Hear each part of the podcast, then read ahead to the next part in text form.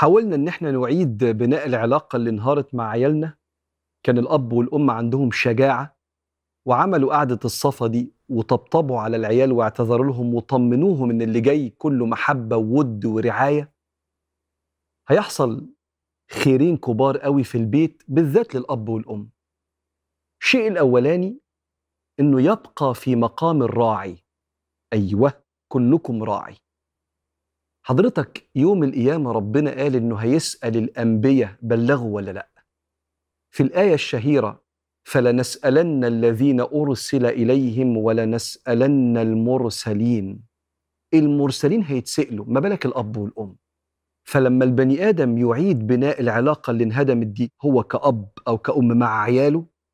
وتعود المية لمجاريها والسلام في البيت أنت كده كلكم راع وكلكم مسؤول الحمد لله. عملت اللي عليا. وأنا ثقتي إن ربنا هيحمي صورتي ويحمي هبتي اللي أنا دايما ببقى عايز أحافظ عليها أنا كأب ولا كأم.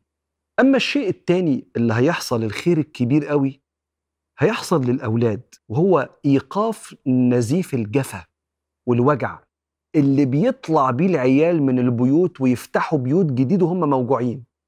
يعني البنت أو الابن اللي اتربوا في بيوت فيها وجع بيفتحوا بيوت بيخشوا يتجوزوا وهم موجوعين. فانت مدخله على مستقبله وفي حتة منه مكسورة كده كنت حقتك رممتها انت رممتها مبروك. فهو داخل مطمئن للبيت الجديد. عارف الآية اللي بتقول والذين في سورة الفرقان صفات عباد الرحمن؟ والذين يقولون ربنا هب لنا من أزواجنا وذرياتنا قرة أعين. وجعلنا للمتقين إماما. أولئك يجزون الغرفة الجنة الغرفة بما صبروا. ويلقون فيها تحية وسلامة. أنت بتدعي إن عيالك يبقوا قرة عين. قرة العين القر البرد. عكسه الحر لما الإنسان يبقى فرحان عينه بتبقى باردة يقول لك عيني باردة عليك. فأنت لما تشوف ابنك ولا بنتك كده بيكبر في حياته ناجح ومستقر لأنك أنت عالجت. قبل ما يسيب البيت عالجت الهدد ده. لما تشوف كده تفرح له.